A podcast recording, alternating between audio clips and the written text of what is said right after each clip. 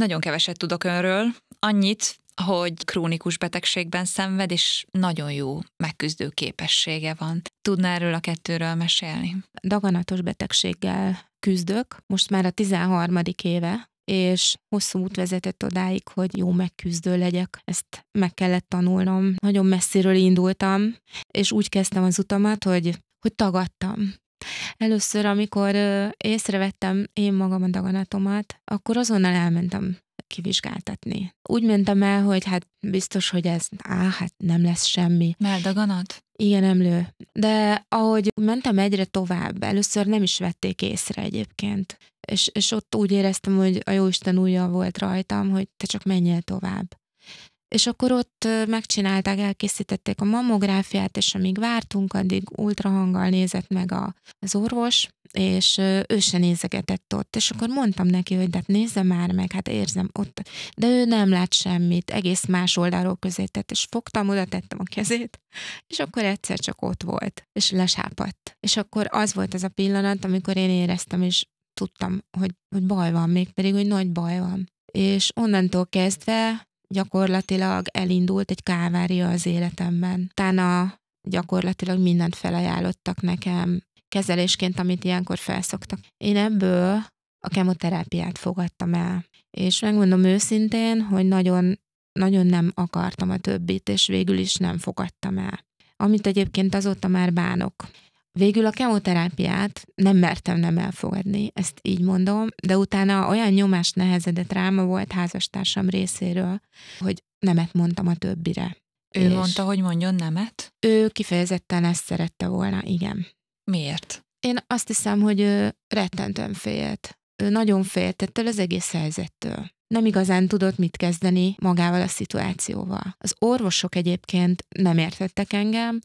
A sugárkezelésre, amikor az elsőre mentünk, és én elmondtam, hogy nem kérem, és visszautasítom, az orvos gyakorlatilag majdnem vérzést kapott, tehát egészen vörös lett a feje, és elkezdett kiabálni velem. És ez azt váltotta ki belőlem, hogy hát akkor már csak azért sem. Mert hogy hogy jön ő ahhoz, hogy eldöntse helyettem, hogy én, mi, hogy én mit fogadok el. Volt egy kérdése, ami viszont nagyon annyira szögetőtött a fejemben, hogy nem, azóta se felejtem el, hogy jó, és akkor mégis mit szeretne. Mert higgy el nekem, hogy ez ki fog újulni, ez olyan, ott van feketén-fehérrel leírva a szövettamba, sok ilyet láttam már. Ki fog újulni? Mégis hogy szeretné megoldani? És akkor jöttem én, mert én mindent megoldó típus vagyok, ez egy személyiség, hogy én ezt máshogy fogom megoldani. De mégis hogyan? Én majd rendbe teszem az életemet, megoldom a lelki problémáimat, és ezáltal megakadályozom azt, hogy ez kiújuljon. Mert akkor azt gondolta, hogy lelki problémák vezettek odáig, hogy teljes mértékben emlődaganata legyen. Most is azt gondolom egyébként, hogy a lelki problémák nagyon nagy mértékben befolyásolják a testünket abban, hogy mondjuk az immunrendszerünk hogy reagál arra, amikor megjelenik ez a valami valami ott bent. Hogy az egyik embernél miért képes azonnal semlegesíteni, vagy gátat szabni a szaporodásnak, a másik embernél meg miért nem. És ön szerint az ön esetében mi lehetett a probléma? Nagyon-nagyon sok elfolytott, ki nem mondott, mélyen gyökerező probléma, akár a párkapcsolatomban, akár az addigi életemmel, a fiatalkorommal, a szüleimmel, mindegyikben volt valami, ami, ami nagyon-nagyon gúzsba kötve tartott. Mire odáig jutottam egyébként, hogy ez a daganat kijöjjön, addigra nagyon sok, nagyon nagy csapásom voltam túl. Az édesapámat fiatal koromban elvesztettem, amit nehezen hevertem ki, sőt, szerintem akkor, amikor daganatos lettem, még bőven nem hevertem ki, nem tudtam feldolgozni a gyászt. Aztán nagyon nehezen sikerült gyermeket szülnöm. Ez is egy ilyen nagyon nehéz szituáció volt, amit szintén nehezen tudtam megemészteni. Végül is sikerült még egy magzatnak megfogadnia, akit viszont a negyedik hónapban voltam, amikor véget ért a várandóságom. Ez nem sokkal azelőtt volt, hogy daganatos lettem, és ez olyannyira megviselt, hogy ezt úgy érzem, hogy ezt már feldolgoztam, ugyanakkor még mindig nehezen tudok róla beszélni. Ez egy nagyon-nagyon nehéz helyzet volt, és én azt hiszem, hogy ez volt a pont az íre nekem lelkileg. És amikor megkapta a diagnózist, még ha nem is azonnal, de mondta, hogy hogy ön úgy fogalmazott, hogy ön meg fogja ezt oldani. Akkor az volt a fejében, hogy lepakolja ezeket a lelki terheket, és úgy oldja meg? Hát nem azonnal. Az első az a rémület, és az iszonyatos félelem, és én azt gondolom, hogy talán kevesen vannak, vagy nincs is olyan daganatos ember, aki megkapja ezt a diagnózist, és nem ezt érzi, és ez egy nagyon-nagyon természetes érzés. Akkor még ezt nem mondtam volna erre, de rettenetesen, rettenetesen megijedtem. A műtét után, amikor mondták, hogy jól sikerült, meg nincsenek áttétek, akkor úgy megkönnyebbültem, és azt hittem, hogy akkor én ezt most így ennyivel megúsztam, ez bizony egy olyan krónikus betegség, amit most már tudok, ami bármikor kiújulhat. De én ezt akkor nem tudtam. 13 éven át ez újra és újra előjön, kiújul, vagy mitől krónikus ez a betegség, ami önnek van? Hát én azt gondolom, hogy ha egyszer megjelenik, akkor minden esély megvan arra, hogy kiújul. Most már értem. Amikor másodszor kijött, tehát először kiújult, az a hatodik évben volt, miután megműtöttek. És én már úgy vettem ezt, hogy eltűnt, mert azt hittem, mert hogy azt mondta mindenki, hogy öt év, amit ki kell várni.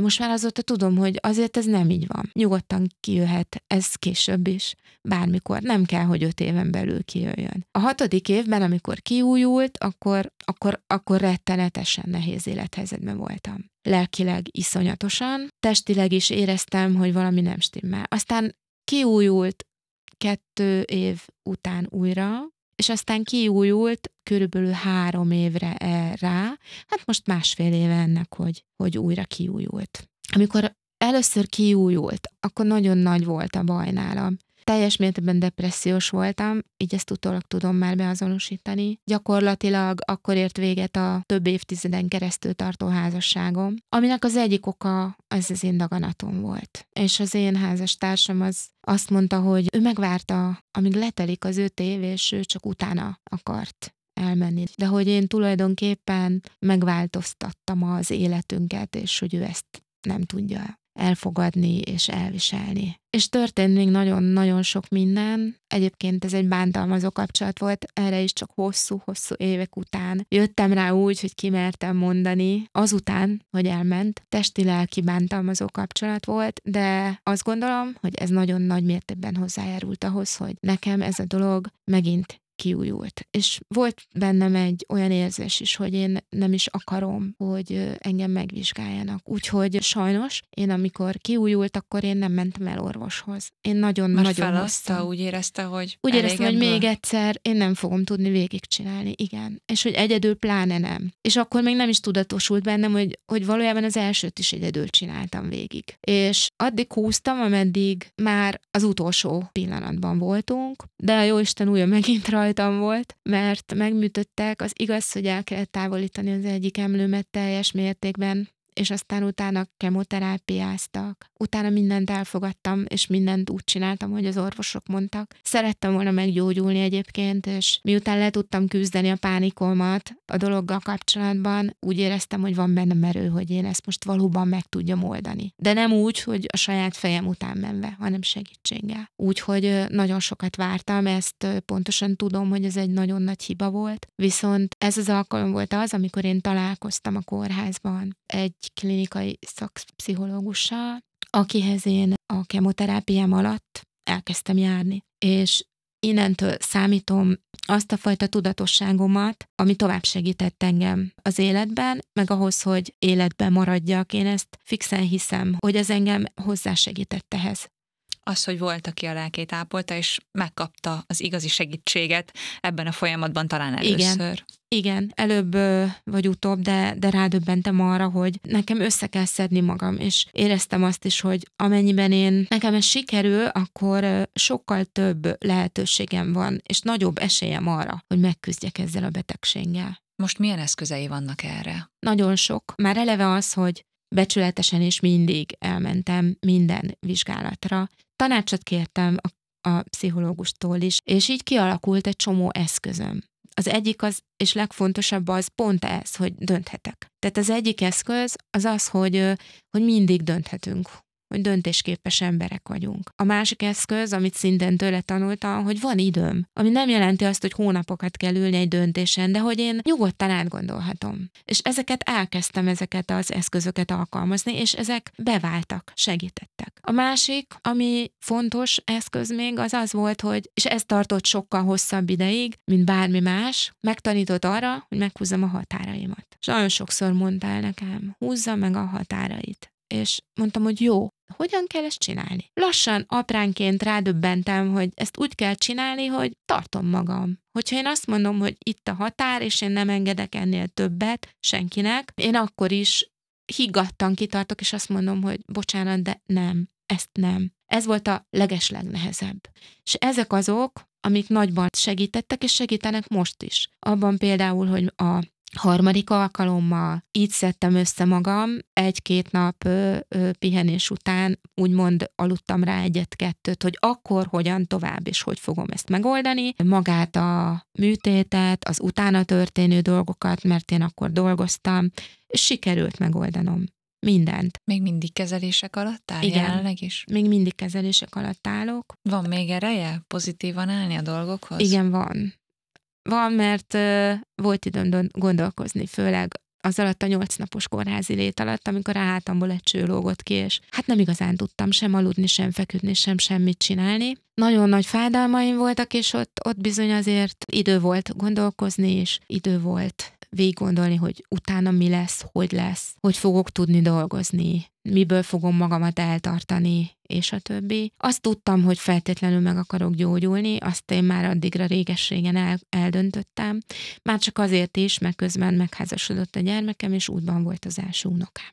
Én minden nap imádkoztam ment a kórházban, egyébként hívő ember vagyok, római katolikus, és nem vittem be más könyvet, csak a Bibliát, és én azt olvastam. És éppen a József és testvéreit olvastam az egyik este, nagyon megfogott, és nagyon jó volt, hogy ezt olvastam, és, és akkor én úgy éreztem, hogy megszólalt egy hang, és beszélt hozzám, és azt mondta, hogy jó, nagyon nehéz lesz, de bírt ki. Bírt ki, mert utána jó lesz de többet ne foglalkozz olyan emberekkel, akik nem szeretnek téged, és ne azzal törődj, hogy ki mit gondol rólad, hanem foglalkozzál azokkal, akik szeretnek téged, törődjél magaddal, szeresd önmagad annyira, amennyire szeretni kell, és legyen egy leckez, amit, amit megjegyzel. És tényleg hallottam ezt a hangot, nagyon sokat számított, és én onnantól kezdve biztos voltam benne, hogy sikerülni fog.